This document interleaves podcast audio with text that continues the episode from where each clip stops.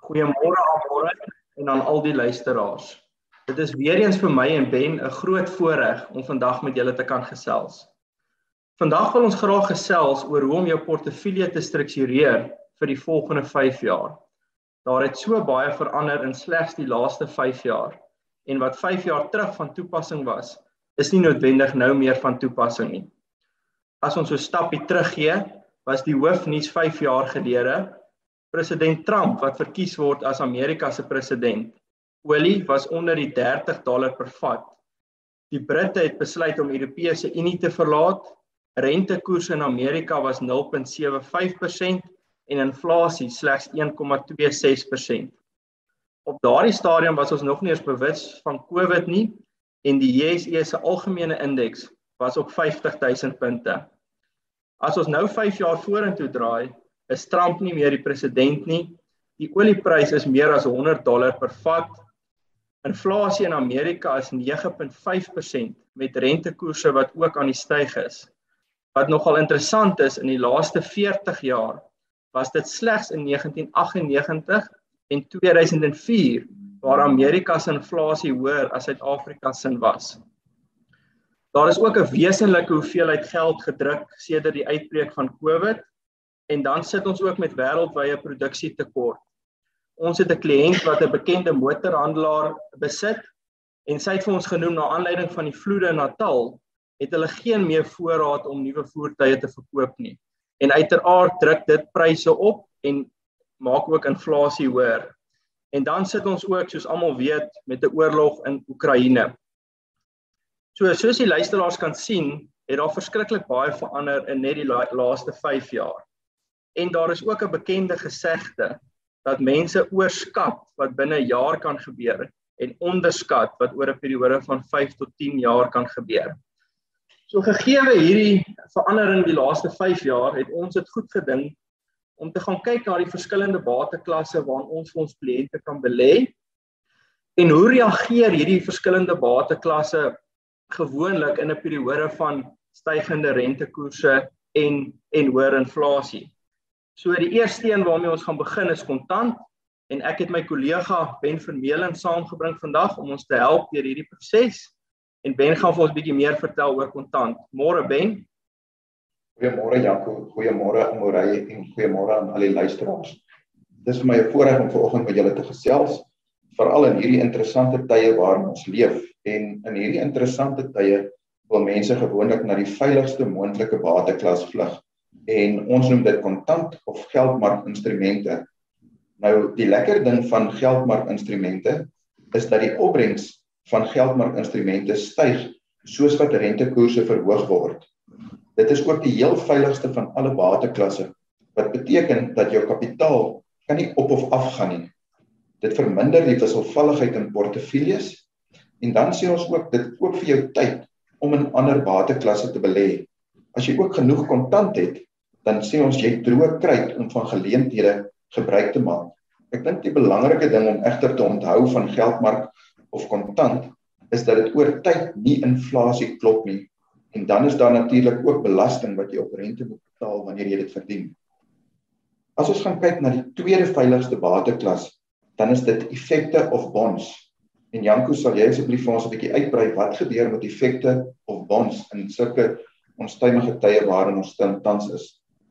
Ja, dankie Ben. Ek wil sommer net aansluit by jou ook. Uh, ek het 'n kliënt wat 'n ingenieur is en hulle hou mos maar van 'n paar somme maak en hy sê my nou die dag het hy gaan kyk wat was sy inflasie op uh sy elektrisiteitskoste en mediese onkoste oor die laaste 12 maande gewees en dit was 17% en 13% onderskeidelik gewees. Wat maar net weer vir mense wys is oor die langtermyn is is kontant nie 'n plek wat inflasie gaan klop nie. So om terug te kom by effekte of die Engelsman praat van bonds, ehm um, is 'n is 'n interessante interessante bateklas, maar is eintlik maar net 'n tipe van 'n skuldbrief instrument. Uh so die staat of regering reik skuldbriewe uit. Ehm um, so eintlik gebruik hulle maar net jou geld en betaal jy dan 'n rente of 'n opbrengs vir daai vir daai geld wat jy vir hulle eintlik maar net leen. So gewoonlik werk uh effekte met 'n inverse korrelasie. So al wat dit beteken As rentekoerse styg, dan daal die waarde van van die effek. So ideaal gesproke wil mens eintlik in 'n dalende rentekoers omgewing effekte koop, maar baie van die onsekerheid en die hoër inflasie en die hoë rentekoerse wat ons nou aangespreek het, is reeds in in die pryse ingeverdiskonteer. So ons dink effekte bly 'n goeie bateklas, ehm um, wat vir jou oor tyd darm 1 of 2% beter opbrengs as kontant behoort te gee. En as mens byvoorbeeld kyk na die Suid-Afrikaanse 10 jaar staatseffek, gee hy dan vir jou opbrengs rondom 10% wat ek dink nie te versmaai is nie. Nog 'n interessante ding, ons kry baie kliënte wat vir ons vra oor staatseffekte, is dit nie riskant nie? Wat as die regering nie kan betaal nie? Ehm um, die regering het nou die dag weer effekte uitgereik en die vraag na daai effekte was eintlik dubbel die hoeveelheid effekte wat die regering aangebied het en dit was hoofsaaklik buitelandse beleggers. Wat maar net weer vir mense wys, daar's nog baie waarde in in effekte en buitelandse beleggers sien nog steeds steeds goeie waarde as hulle dit vergelyk met van die ander ontwikkelende markte se effekte. So effekte bly 'n deel van 'n persoon se portefeulje. Hy behoort vir jou beter as as kontant te doen en ons sien nogal redelik baie waarde in in effekte op die stadium. En dan die volgende waterklas is is eiendom waarmee baie luisteraars vertroud mee sal wees en ook baie van hou. So Ben, hoe reageer eiendom in hierdie in hierdie tipe van tye? Janko, ek wil net teruggaan na wat jy nou net gesê het. Jy weet en dit is waar mense soms bang vir die regering se vermoë om om die rente of die skuld terug te betaal wanneer jy effekte koop. Nou in die laaste 2 jaar het die regering se belastinginvordering eintlik ongelooflik goed gedoen. Met hulpbronpryse wat deur die dak geskiet het, het ons mynboumaatskappye ongelooflik baie belasting betaal en die regering het eintlik baie meer belasting ingevorder as wat hulle begroot het en dit gee dus vir hulle die vermoë om hierdie rente en skuld terug te betaal op die oomblik. Nou Janko, die die tweede bateklas waarna ons kyk is eiendom. Ehm um, baie beleggers hou daarvan, jy weet 'n ou woonstel of 'n huis wat hy verhuur. So dis een tipe eiendom is jou residensiële eiendom. Dan is daar ook kommersiële eiendomme en en dit is meer die kant waar ons kliënte se geld belê. Ehm um, waar maatskappye shopping centers besit en op die DSE genoteer is. Nou as ons gaan kyk na die inflasie mandjie van die regering, dan sien ons dat eiendomspryse en huur 'n groot deel van hierdie inflasie mandjie opmaak. Dis eiendomme aan die begin van 'n van 'n rentekoers siklus of van 'n inflasie siklus is eintlik die oorsaak of 'n gedeelte van die oorsaak wat rentekoerse laat verhoog aangesien die eiendomspryse en huure baie styg. En dan wanneer die rentekoerse begin verhoog, dan raak die bekostigbaarheid vir mense om hulle skuld te diens al hoe minder. Soos hulle kan minder geld leen om eiendomme teen duurder te koop en dan begin eiendomspryse te stagneer of in sekere gevalle daal dit ook. Dan aan die kommersiële eiendomskant werk dit eintlik presies die teenoorgestelde. Die genoteerde maatskappye Hulle het 'n sekere hoeveelheid skuld wat hulle op hulle balansstaat het en ons probeer wegbly van maatskappye wat te veel skuld op hulle balansstaat het. Want as rentekoerse begin styg, dan moet hulle baie van hulle huurinkomste uitbetaal aan rentes. Maar dan soos wat die siklus aangaan en hulle hulle huurkontrakte hernie, dan is die eskalasies wat hulle in die huure inbou al hoe meer en meer en meer en dis beteken dat hulle kontantvloei oor tyd begin verbeter en dit verhoog ook die waarde van die eiendomme. Soos kommersiële eiendomme of genoteerde eiendomme doen eintlik baie goed in die latere stadium van 'n rentekoersiklus wat styg. Ja, dit is nogal nogal interessant. Ehm um, dan die laaste een uh en dit is ook die een waarmee ons die meeste aandag wil gee want ek dink dis hoekom dat die meeste van die luisteraars hierdie program luister is is aandele. Nou uh laas jaar van Januarie tot Desember was was baie goed vir vir aandelebeurse wêreldwyd gewees. Die kliënte sou dit en die luisteraars sou dit kon sien op hulle beleggingsstate. En en sedertdien, sedert die Desember hoogtepunte het markte redelik sterk teruggetrek um in Suid-Afrika maar ook ook in die buiteland. Ehm um, so wat ons gaan doen het is om so 'n bietjie te kyk interessantheidsgehalwe is moet mens dalk nog in aandele wees op hierdie stadium? Moet mens nie ehm um, gegeewe wat hierdie nou die laaste kwartaal gebeur het met met markte. Dit ons gaan kyk om te sê maar in die verlede in stygende rentekoers omgewings en hoër inflasie omgewings hoe het markte gereageer? En nogal interessant van 1977 tot 1982 daai 5 jaar periode was inflasie 10% en rentekoers was 9.5% en dis nou in Amerika. En toe het die S&P 500 10.67% per jaar gestyg. En in 1982 tot 1985 was inflasie 4% en rentekoerse was 9%. En toe die S&P 500 wat die Amerikaanse beurs is met 18.91% gestyg. En selfs in 2004 tot 2007 toe inflasie rondom 3% was en rentekoerse ook oor die 3%, het die S&P 500 met 10% gestyg. So dit wys maar net vir mense ehm um, aandele bied nog steeds goeie geleenthede. Ehm um, maar Ben, hoekom is aandele so wisselvallig en hoe op nuus van hoë rentekoerse en hoë inflasie? Ek wil ons het net nou die dag gesien toe die Federale Reservebank in Amerika uh die rentekoerse met 50 basispunte ehm um, laat verhoog, laat die die beurs eintlik die eerste dag baie goed gedoen en toe sedertdien het hy eintlik redelik uitmekaar uitgeval. So gee dalk net bietjie vir die luisteraars agtergrond. Hoekom is beleggers skrikkerig vir hoër inflasie en hoë rentekoerse as dit by as dit by aandele kom? Ehm um, en ja, en wat veroorsaak hierdie wisselvalligheid? Goed, dankie. Ehm um, soos die afgelope 4 maande was die swakste begin wat beurse wêreldwyd nog gehad het in die afgelope 40 jaar. En daar is twee redes hiervoor. Die eerste rede was gewees die die onsekerhede wat geskep is deur die laaste paar maande. Jy weet die eerste is die stygende inflasie gewees. Dan was daar die oorlog in die Oekraïne gewees en ook die wêreldwye produksietekorte het veroorsaak dat ons nie kan sien wat maatskappye se verdienste gaan wees so ver in die toekoms in nie. Nou, wanneer ons maatskappye waardeer, dan gebruik ons 'n gediskonteerde kontantvloei model. Dus ons gaan kyk wat gaan maatskappye in die toekoms verdien en ons verdiskonteer dit terug na 'n waarde vandag.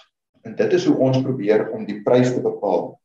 Nou as gevolg van hierdie onsekerhede wat ek nou net genoem het, is dit op die oomblik baie moeilik om hierdie kontantvloeie te bepaal van die maatskappye wat hulle gaan doen oor 1 jaar, 2 jaar, 3, 5 jaar. En dan die tweede gedeelte is die verdiskonteringskoers wat ons gebruik. Nou wanneer rentekoerse laag is, dan is die verdiskonteringskoers ook laer wat ons gebruik en dit dan is maatskappye se waardasies gewoonlik hoër. Nou omdat ons nie weet wanneer inflasie en rentekoerse gaan gaan piek of 'n hoogtepunt bereik nie. Ehm um, is dit op die oomblik baie baie moeilik om hierdie tipe waardasies te doen. En dit is hoekom ons hierdie groot wisselvalligheid sien in aandelemarkte op die oomblik. As ons goeie nuus kry, dan spring markte soms om 1, 2 of 3% op 'n dag. En wanneer ons weer slegte nuus kry oor maatskappye se kontantvloeie of oor rente of inflasie, dan sien ons sommer dalings van 1 of 2% op 'n dag. Ehm um, en ons hoop dat dat ons vinnig sekerheid kan kry in hierdie week wat kom gaan ons die inflasie syfers in Amerika kry en ons hoop dat ons kan sien dat dit 'n hoogtepunt bereik het en dat ons sien dat die stygings begin daal op die oomblik.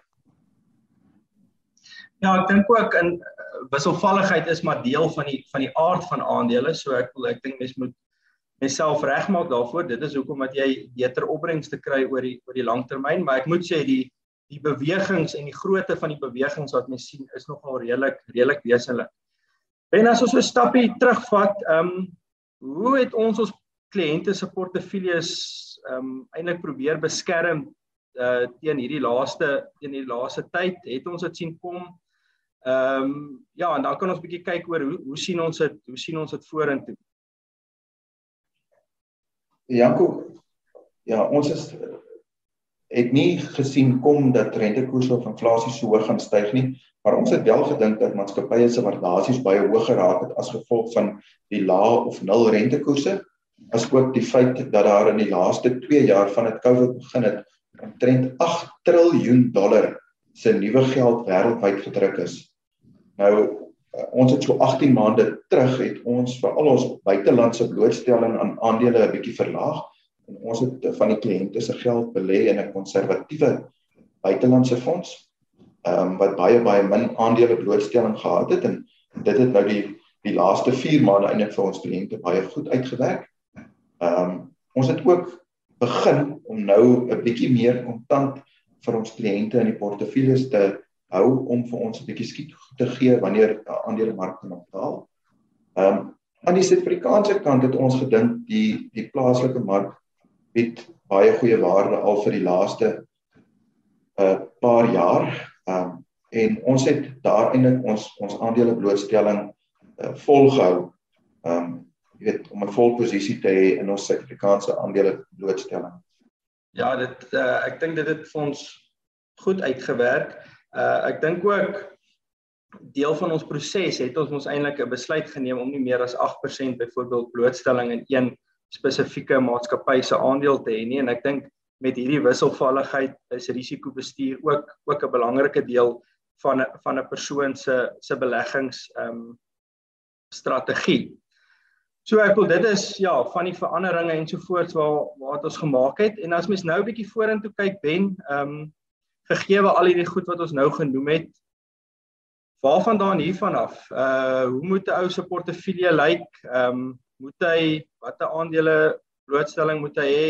Ehm um, hoe moet sy buitelandse blootstelling lyk? Ehm um, hoe sien ons die volgende volgende 5 jaar uitspeel dat ons kan die luisteraars inlig hoe ons dink 'n goed gediversifiseerde portefeulje behoort te lyk alhoewel elkeen se spesifieke ehm um, behoeftes en omstandighede anders is. Ja, ek dink die die een ding wat beleggers moet aanvaar is dat wisselvalligheid gaan voortduur vir die volgende paar maande solank as wat die oorlog met ons is en solank as wat ons nie seker is wat met rentekoerse en inflasie gaan gebeur nie. Maar jy het net nou na die verlede gekyk en dit is so dat aandelemarkte oor tyd vir jou 'n positiewe opbrengs gee en oor langer tydperke van 5 jaar plus dit inflasie met 'n redelike groot persentasie uitpresteer. So ons dink dis steeds dat jy weet jy 'n genoeg groot genoegsame gedeelte van jou portefeulje in aandele moet belê oor die lang termyn om inflasie te kan klop. Nou dit gesê wil ons nou begin om hierdie konservatiewe buitelandse fonds waarin ons was gaan ons begin omskakel na 'n meer aggressiewe buitelandse fonds wat meer aandele blootstelling het. Ons gaan daar 'n buitelandse fonds gebruik met 'n flexible mandaat. Dit beteken die aandeel portefeulje bestuurder kan besluit hoeveel aandele blootstelling hy in die portefeulje gaan hou. Soos ons wil ons aandele blootstelling nou begin verhoog want Warren Buffett het altyd gesê, "Be greedy when others are fearful and fearful when others are greedy." En op die oomblik is mense baie bang vir wat gaan gebeur en ons dink die daling in die markte skep vir ons ongelooflike goeie koopgeleenthede. Op die JSE dink ons steeds ons mark is baie goed geprys. Die prysverdienste van ons maatskappye is baie laag. Hulle verdienste het baie goed gegroei na Covid en hulle kom nog steeds uit 'n laagtepunt uit. Dividendopbrengste is besig om te verhoog Ehm um, en dit behoort vir die jaar wat kom tussen 3 en 4% te wees. Ja, goed dit gesê, dink ons daar is nog steeds gedeeltes van 'n uh, aandelemarkte wat duurder is uh, wat 'n mens kan probeer vermy of 'n bietjie ondergewig wees. Soos in Suid-Afrika het ons ons kliënte se portefeuilles ondergewig gemaak aan tegnologie maatskappye en en hier praat ek spesifiek van jou Naspers of Prosus waar hy 'n groot gedeelte van die mark was, was ons omtrent die heeltyd net die helfte van sy gewig gewees. Ehm um, en dan is ons ook nou effe ondergewig aan hulpbronne omdat die hulpbronne so 'n goeie loopie gehad het die laaste tyd. Waar ons oorgewig is en baie waarde sien op die oomblik is in ons finansiële aandele en gebruike verbruikersgoedere. Dan moet dan net vinnig, uh, jy weet wat ons vir ons kliënte gedoen het op die buitelandse portefeuilles. Ons het reeds die afgelope jaar begin om van groei aandele te beweeg na waarde aandele. Ongelukkig het ons alles soontoe geskuif nie, maar as ons kyk na 'n paar van die skuwe wat ons wel gedoen het, dan sal mense sien ons het Accenture heel verkoop. Ons het op Amazon en op Google het ons ons blootstelling verlaag en ons het Starbucks uitverkoop. En dan wat het ons gekoop met daardie geld? Ons het Total gekoop. Ehm um, want ons het gedink olie is goedkoop en die maatskappy betaal 'n baie goeie dividend. Nou ons was gelukkig geweest om met die die oorlog wat uitgebreek het, het die oliepryse opgeskiet en Total se aandelepryse baie goed gedoen. Ons het ook Wells Fargo gekoop in Amerika wat 'n bank is wat in tye van hoë inflasie en hoë rentekoerse baie goed behoort te doen. En dan het ons ook ons blootstelling aan Berkshire Hathaway vergroot En ons het ook onlangs Intel bygekoop want ons dink die maatskappy het 'n baie baie goeie waardasie. Ja, ek dink dit is nogal belangrik ben uh, is om te sê mense moet versigtig wees om historiese opbrengste oor die toekoms te projekteer en ek dink dit is waar baie mense nou in 'n redelike slaggat getrap het is om omdat buitelandse tegnologie aandele half die groot wenner was en almal het soontoe gegaan.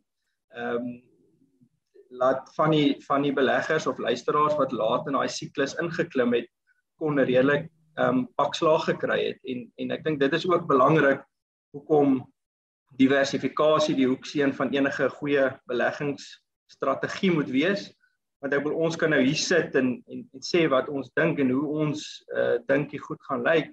Maar ek wil op einde van die dag weet niemand regtig hoe hoe die volgende dag of twee gaan lyk of die volgende 6 maande nie. Maar hierdie goed het het het hierdie geneigtheid om oor die langtermyn te normaliseer. En ehm um, eintlik dan aandele se opbrengste dan deur te kom vir vir die geduldige geduldige beleggers. So ek dink daar's baie geleenthede op die stadium op die regte plekke en as daar van die luisteraars is wat um, met ons wil kontak maak um, of dalk te hoor hoe lyk hulle portefeulje teenoor wat ons dink 'n goed gediversifiseerde portefeulje gegee die luisteraar se behoefte behoort te lyk op die stadium is hulle welkom om met ons ook uh kontak te maak. Ehm um, Ben, hoe waar maak die luisteraars met jou kontak as hulle graag wil? Ja, vir die luisteraars kan vir ons 'n e-pos stuur en my e-posadres is ben.vermeulen@psg.co.za. OK, en dan kan luisteraars ons ook skakel op ons nasionale nommer 086 134 8190. Dis 086 134 8190. Of as hulle vir my ook 'n e-pos wil stuur, dis janko j a n k o .siberagen@psg.co.za. Dankie Amorey, dis dan al van ons kant af vir vandag, ehm um, vir die geleentheid om met jou en jou luisteraars te kon gesels en ons sien weer uit na ons volgende gesprek. Lekker middag vir almal.